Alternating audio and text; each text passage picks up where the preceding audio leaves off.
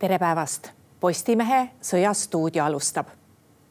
kui vahepeal tundus, et venelastel õnnestubki Aidivika ümber piirata ja et ukrainlased hakkavad sealt oma vägesid ära tooma, siis viimased sündmused kinnitavad, et nii seda ei juhtu meil on stuudios Rahvusvahelise Kaitseuuringute Keskuse juht Indrek Kannik, tere päevast. tere päevast.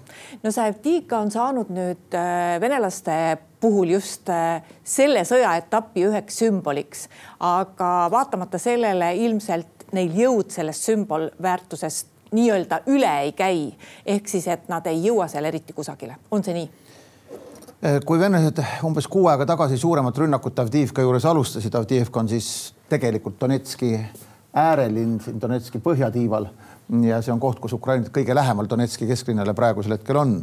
Äh, siis esimestel päevadel oli ukrainlaste olukord väga raske, et nad, no ma ei ütle, et see üllatusena tuli, nad tõenäoliselt aimasid seda, aga venelaste rünnak oli ikkagi väga massiivne. tuldi peale ka väga suure hulga soomustehnikaga ja Ukraina suutis siiski selle rünnaku tagasi tõrjuda, võib-olla seal linnas põhja pool venelased mingi väga väikest ka territoriaalset edu saavutasid, tundub, et pigem saavutasid sellele järgnes teine laviin, kus soomustehnikat oli juba natuke vähem kasutusel, aga inimjõudu väga palju ja noh, nende rünnakute käigus venelaste kaotused ulatusid tuhandeteni. Mm, rünnakud on jätkunud järgmistel, järgmistel ähm, nädalatel, aga nende intensiivsus on siiski selgelt vähenenud. ja nüüd nagu oodatakse sellist kolmandat suurt lainet, aga vähemalt seni seda sellisel kujul tulnud ei ole et ukrainlaste olukord on ebamugav seal jätkuvalt, et ähm, on selline hammas Vene kaitseliini sees üsna kitsas et äh, teoreetiline oht ümberpiiramiseks on olemas, kui Vene kas põhjast või lõunast Ukraina kaitseliinid läbi murravad, aga praegu seda juhtumas ei ole ja olukorras, kus äh, ukrainlased suudavad linna hoida, siis nad kindlasti seda vabatahtlikult ära ei anna, et nad võiksid sealt linnast lahkuda ikkagi ainult juhul, kui, kui nad näeksid, et üksustel on reaalne ümberpiiramise oht. no isegi kui venelased suudaksid selle ümber piirata, siis nagu äh, sõja üldise käigu mõttes ei ole sellel ju erilist tähtsust üldise käigu mõttes väga suurt tähtsust ei ole, aga kuna Ukraina ei ole saanud ka sümboolse tähtsusega suuri võite territoriaalses mõttes selle suve jooksul, siis äh, psühholoogiliselt on sellised kaotused halvad, et seetõttu ma arvan, Ukraina teeb kõik, et vältida seda kaotust no teine väga kriitiline koht on Bahmut, noh, selles mõttes just, et rünnakud on seal ägedad ja inimesed saavad seal surma, et äh, kuidas praegu seal on positsioonid?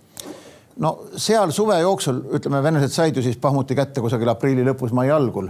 Ja üsna kohe pärast seda algasid tegelikult ukrainlaste vasturünnakud. Esmajoones linnast lõunas aga teatud määral põhja pool. Ja seal on suve jooksul ja sügise jooksul Ukraina täiesti arvestatavalt territooriumit suutnud tagasi võita. et isegi on olemas noh, mitte nii kriitiline nagu praegu ukrainlaste olukord Avdiivka juures, aga venelaste mõttes teatud mõttes kriitiline olukord, et nemad võivad Bahmuti kesklinnas ümberpiiratuks osutuda. et ehk siis praegu venelased üritavad teha pingutusi selles suhtes, et suve jooksul kaotatud alasid tagasi saada esialgu, eriti linnast lõunas, kus venelaste kaotused on suuremad olnud, ei ole küll mingeid märke, et nad seda oleksid saavutanud, lihtsalt järjekordne suur oma inimeste magamapanek. aga, aga põhja pool võib-olla jälle mingit väga pisikest edu on, aga me räägime siin kümnetest meetritest, mitte rohkem no tundub, et äh, pisut selliseid häid uudiseid ukrainlaste jaoks on tulnud sealt Dnepri tagaldalt. et kui me siin veel mõni nädal tagasi rääkisime, et ukrainlased seal nüüd eriti midagi ei tee, sellepärast et sinna on ikkagi väga raske pääseda ja rasketehnikat on sinna keeruline viia, siis viimaste uudiste kohaselt äh, ukrainlased siiski on seal suutnud isegi ühe maantee läbi lõigata. jah, see maantee on siis nagu selline see tee, mis läheb nagu Oleškist, mis on siis siin Hersonist natuke lõuna poole, teisel pool kallast, eh, põhja poole, noh, Novakahhivka poole, see, see on siis väidetavalt läbi lõigatud. Ukrainad on suutnud seal viimaste nädalate jooksul kogu aeg seda oma, ma ei tea, kas seda siis mõte silla peaks, aga igal juhul oma kohalolekut suurendada. Eh, samas siiski ekspertide hinnang on see, et et pigem jätkuvalt on nagu arvatakse, et pigem on ikkagi tegu sellega, et venelaste tegevust lõunas üldiselt segada. et äh, seda, et üritatakse massiivselt äh, Dnipro jõge forsseerida, tuua väga suured üksused üle, üle teisele kaldale, jätkuvalt peetakse ebatõenäoliseks, aga noh, Ukraina oma positsioone tugevdanud, venelased ei ole vaatamata küllaltki suurte üksuste sinna suunamisele suutnud neid alasid tagasi võita. ja, ja noh, siin vist venelaste jaoks probleem see, et et see ala on veel lagedam kui, kui Zaporožja rindel. et kui venelaste mingi tehnika läheneb, siis Ukraina droonid näevad selle kaugelt ära ja suurtükituli hävitab seejärel või ka droonid hävitavad selle tehnika, et Vened ei jõua oma põhilise tehnikaga lahingtegevusele liiga lähedale Eh, kui hästi venelased ennast on suutnud seal kindlustada, et kui nüüd ühel hetkel tõesti ukrainlased mingit suuremat hulka tehnikat suudavad sinna viia, et eh, kui keeruliseks läheb venelaste positsioon siis? No üldine hinnang on, et venelaste kindlustused ei ole kaugeltki nii tugevad nagu siin sellel lõunarinde põhioosal Melitopoli suunal, et kus on maa-ala väga massiivselt ära mineeritud. venelased tegelesid eelmise mm, kevadel ja eelmisel hilissügisel ka, ka selle ala mineerimisega siin, aga äh, probleemiks sai äh, see Dnipro mm, tammi, Kahhovka tammi purunemine, et see ala ju üle, üle ujutati täielikult üle seejärel. Ja, ja, ja suur hulk Vene kindlustustest äh, said kannatada selle, selle protsessi käigus, eks nad on nüüd suve jooksul proovinud tõenäoliselt ikkagi uuesti neid rajada, aga seda on praegu juba keerulisem teha, kuna Ukraina suurtükitule ulatub nendeni teiselt poolt jõge. et äh, ma arvan, et need nii tugevalt need alad kindlustatud ei ole, nagu on meil Melitopoli ümbrusalad no kui me räägime nüüd sellisest äh, üleüldisest poliitilisest foonist Ukraina sõja ümber, siis äh, on tulnud ka teateid selle kohta, et on tekkinud teatavad lahkhelid äh, poliitilise juhtkonna ehk siis presidendi ja sõjaväe juhtkonna vahel. see kuuldus on küll ümber lükatud, aga nii pikk sõda paratamatult tekitab ühiskonnas pingeid. tekitab ja, ja eriti kui ei ole nii häid tulemusi, nagu loodeti, et noh, on selge, et Ukraina tegelikult lootis äh, selle suvega ikkagi Lõuna-Ukrainas arvestatavaid territooriumeid vabastada, et see alad, mida on suudetud vabastada, on jäänud väga väikeseks ja see tekitab frustratsiooni, väsimust, pingeid. et see on nagu paratamatu, et sellega ei olegi midagi teha, inimesed väsivad. Ehm, jah, ja siin oli siis ütleme nüüd nädala või pooleteistkümne eest see kaitseväe juhataja Zalužni, ähm, Zalužni kirjatükk äh, Economistis antud intervjuu, mis siis tekitas pingeid ja mis ilmselt ähm, kogu sõnumite tonaalsus ei olnud kooskõlastatud poliitilise juhtkonnaga. Äh, president Zelenskõi reageeris, ähm, ma ütleksin rahulikumalt, aga siiski distantseerivalt Zalužni avaldusega. Zelenskõi ümbruskonnast tuli ka üsna avalikku kriitikat Zalužni suhtes no tundub, et see ei ole läinud selliseks ähm, tennisemänguks siiski, et praegu on uuesti nagu hoog maha võetud ja, ja nii-öelda konkureerivaid sõnumeid ei ole tulnud, aga, aga noh, eks seal mingid pinged on eh, see, et Ukrainas presidendivalimisi ei tule, see on neil ilmselt nüüd üsna üheselt otsustatud. No tundub küll, et see, mida president Zelenskõi üleeile ütles, tundub olevat üsna lõplik ja otsustav ja noh, tegelikult äh, seda ei olekski nagu saanud korraldada, kas või õiguslikult tulenevalt. Ukraina põhiseaduses on kirjas, et, et, et kui on sõjaseisukord, siis sellel ajal valimisi ei korraldata. selle põhiseaduse muutmine praeguses olukorras oleks tundunud küll täiesti üsna hullumeelse sammuna ja teiseks, seal on nii palju praktilisi küsimusi. esiteks, kes tagab valimisjaoskondade julgeoleku, sellist õhutõrjet või õhukaitset Ukrainal ei ole, et nad suudaksid neid tuhandeid valimisjaoskondi, mida tuleks üle riigi avada, kõiki kaitsta. et äh, ei ole tehtav praegusel hetkel oleks võinud kaasa tuua Venemaa raketirünnaku ükskõik millisele valimisjaoskonnale mm, ja noh, arvestatava hulga inimkaotusi, inimeste tsiviilisikute surma.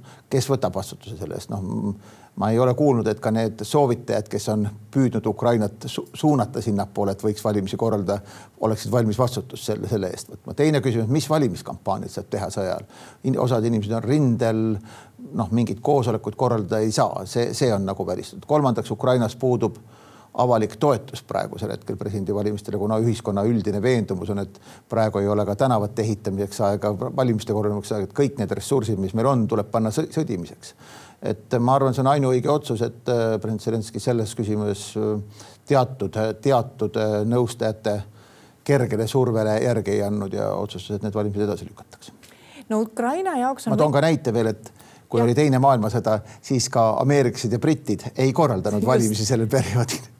No äh, halb uudis on Ukraina jaoks see, et tundub, et äh, selline edasine lääne abi võib väheneda, et USA on juba öelnud, et noh, et nad on suurema osa oma sõjalisest abist ära saanud, äh, ära andnud ja et äh, uusi abipakette praegu heaks kiita on problemaatiline, vähemalt ei ole seda tehtud. ja tegelikult on ju praegu probleeme ka Euroopa Liidu abipaketiga, et siin on meil olemas Ungari, kes äh, jonnib ja, ja ei taha seda heaks kiita. et eh, kui suur oht täna siiski on, et selline üldine lääne abi Ukrainale hakkabki vähenema?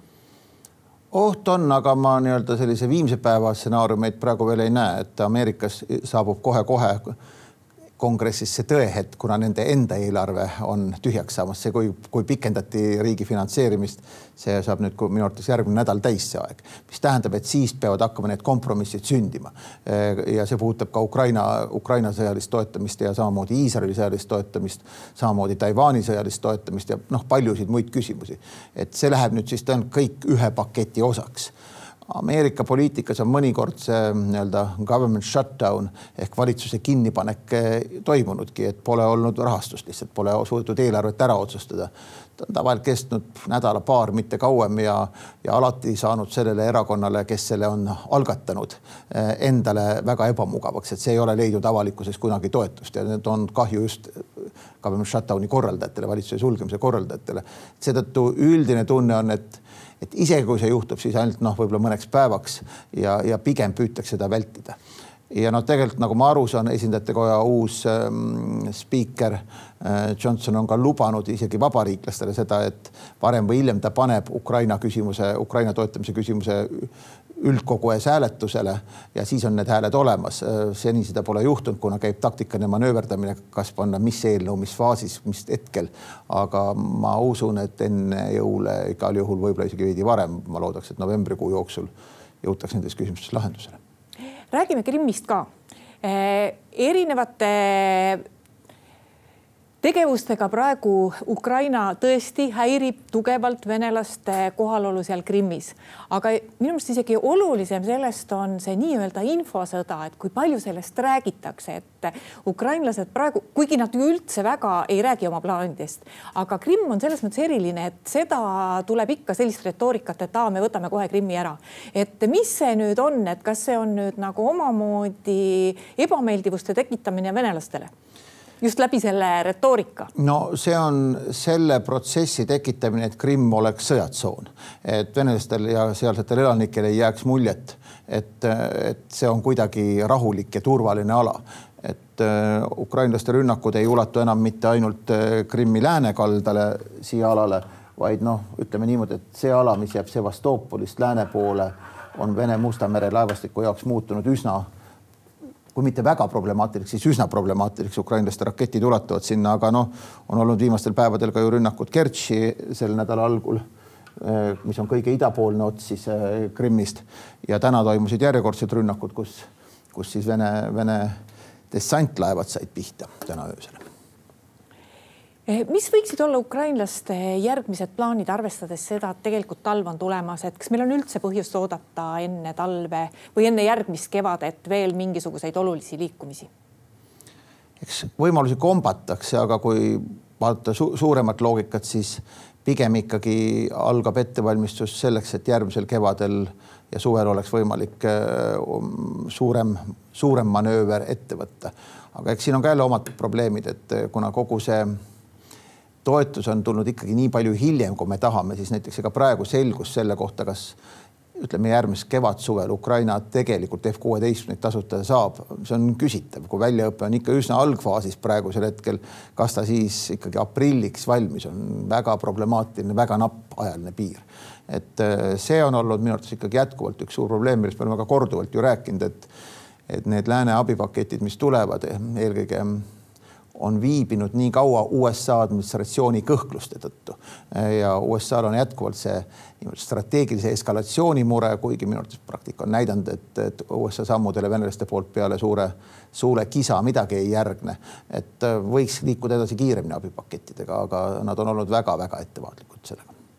Räägime natuke Iisraelist ja Gazast ka, et viimased uudised siin ütlevad seda, et et Iisrael peab, nagu ta ise ütleb, suhteliselt edukalt lahinguid Gaza linnas ja on siiski viidanud, et ollakse suhteliselt lähedal sellele, et, et saavutada paremaid positsioone just nimelt Põhja-Gazas. et milline see olukord on ja kui täpselt me teame, mis seal Gaza sektoris praegu toimub? ega me väga täpselt ei tea, eks äh, Iisrael üritab ka hoida võimalikult palju strateegilist vaikust selle teema ümber, mis täpselt toimub, aga Iisraeli sõjaväe kaotused ei ole liiga suured olnud kardeti hullemaid kaotusi ja, ja noh, vähenenud on ka selgelt raketirünnakute hulk, mis Gaza territooriumilt Iisraeli suunas lähevad. et ma usun, et Iisrael on mõõdukalt edukas, aga Iisrael peab kogu aeg arvestama sellega, et mida kauem ta seal Gazas tegutseb, seda rohkem rahvusvaheline avalik arvamus hakkab talle survet avaldama, et see on nagu juba praegu selgelt nähtav ameeriklaste poolt samamoodi. siin selle nädala algul ütles Iisraeli endine peaminister Ehud Barak, et Iisraelil on veel sõdimiseks kaks-kolm nädalat aega, et äh, seejärel läheb avaliku arvamuse surve või lääneriikide surve liiga tugevaks, et kõigepealt hakkab Euroopa kaugenema Iisraelist ja noh, nädal-kaks hiljem Ameerika Ühendriigid et see on tavaliselt see loogika, et eks see on üks põhjus, miks Iisraeli varasemad operatsioonid kaasa on olnud suhteliselt lühikesed. seekord on see kindlasti pikem kui varasematel kordadel, kuna Hamasi kuriteod ja, ja Hamasi toimepandu oli omakorda märksa tugevam. aga kas see aeg on piisav selleks, et Hamasi omakorda piisavalt hävitada? ma ei julge hinnata, et nad teevad kindlasti puhtamaks platsi, kui on varasematel kordadel nad suutnud teha, aga kas see on piisav, et rohkem kui neli-viis aastat tagada suhtelist rahu, seda näitab aeg eh, no siis omaette küsimus on see, et ka, et kui nad teevad selle platsi suhteliselt puhtaks ja tulevad sealt Gazast välja, aga mis siis edasi Just. saab? et eh, kui sinna mingit teist administratsiooni kui Hamasi administratsioon ei teki, siis, siis varem või hiljem see kõik kordub. noh, on olnud jutte, et ka Palestiina läänekaldal, Jordani jõe läänekaldal tegutsev omavalitsus võiks selle, selle Gaza haldamise üle võtma, kas nad selleks praegusel hetkel suutelised on, ma ei ole kindel. teiseks, nende poolt on esitatud ka tingimus, et see peab olema sellise tervikpaketi osa, et sellega kaasneb ka Iisraeli poolne taasliitumine kahe riigi protsessi äh, loomisele või kahe riigi lahendusele kaasaaitamisele, mida noh, Iisrael siiamaani viimastel aastatel teinud ei ole, laiendades oma asun, asundusi äh, läänekaldal, mis muudab nii-öelda Palestiina kompaktse territooriumi Palestiina Palestiina kompaktse riigi loomine seal peaaegu võimatuks.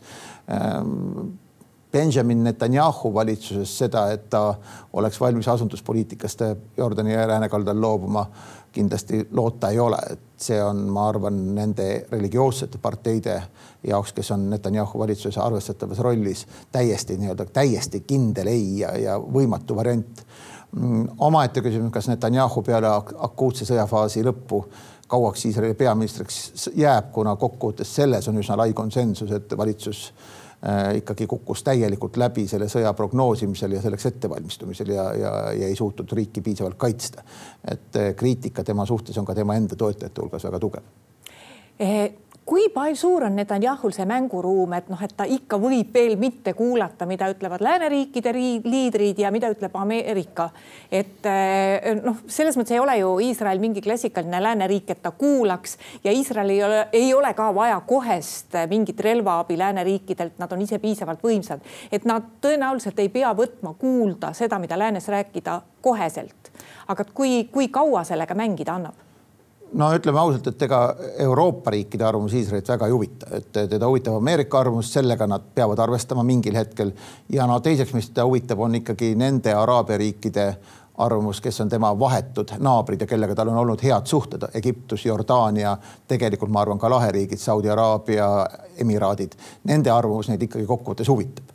Ähm, noh, ma ütlen, Ehud Barak pakkus, et kaks-kolm nädalat on veel aega. Ehm, mõned teised ütlevad, et võib-olla on ka paar kuud, aga ma arvan, et ega üle aasta vahetuse küll nagu sellise maismaaoperatsiooni jaoks see, see pikkus ei ole, mis meie vaatevinklist on teatud piirini hea, kui see akuutne sõjafaas maismaaoperatsioon lõpeb, siis ka maailma tähelepanu läheb jällegi rohkem Ukraina peale, et praegu on see tähelepanu ikka kindlasti hajutatud ja, ja see on venelastele olnud kasulik kuidas ikkagi saadakse hakkama või kui hästi praegu saadakse selle humanitaarkatastroofiga hakkama, et meil tuleb jah, tõesti järjest iga päev uusi uudiseid, kõigepealt see, et iga päev on mingisugune hetk, mil on eh, teatav rahu, kus need inimesed saavad siiski liikuda riigi teise või selle sektori teise otsa. teisalt no siin viimati just tuli, et eh, itaallased saadavad oma, oma nii-öelda arstiabilaeva sinna, kus saaks siis ka inimesi peale panna, et maailm üha enam nagu koondub lahendama seda humanitaarkriisi, aga kui suur, kui, kui ulatuslik see siiski praegu on? no eks ta on ulatuslik, esiteks kogu see Gaza on ju väga väike ala, et äh, ja, ja, ja enamus Gaza elanikkonnast ajalooliselt elas ikkagi Gaza põhjaosas. Äh, Iisrael on loonud neile nii-öelda turvatee riigi lõunaossa või Gaza lõunaossa lubab iga päev praegu vist siis viimase seisuga neli tundi inimestel liikuda põhjast lõunale. Iisrael on siis teatavasti Gaza sektori praegu poolitanud, lõiganud äh, keskelt enam-vähem läbi. et ja põhiline lahingtegevus toimub põhja pool, lõuna pool on lahingtegevus üsna minimaalne. ja eks seal see lõuna pool ka see tunnelite võrk on, on väiksem kui põhjaosas et, et äh, päris palju inimesi on läinud lõunasse, aga noh, ikkagi seal lahingtegevuse otseses tsoonis on ikkagi väga palju ka tsiviilelanikke ja no see ongi olnud ka Hamasi teadlik taktika. Hamas, Hamasi taktika üks osa on kaitsta ennast tsiviilisikutega, et igasugused Iisraeli rünnakud tooksid neile kaasa suure hukkamõistu maailmas, see on täiesti ühene Hamasi taktika olnud aastakümneid. et ega Hamas ei ole kuidagi kaasa aidanud nende inimeste lahkumisele, vastupidi pigem aitäh, Indrek Kannik tulemast Postimehe Sõjastuudio saatesse. ja aitäh ka kõigile neile, kes meid vaatasid. meie järgmine otsesaade on eetris uue nädala esmaspäeval. seniks lugege uudiseid postimees.ee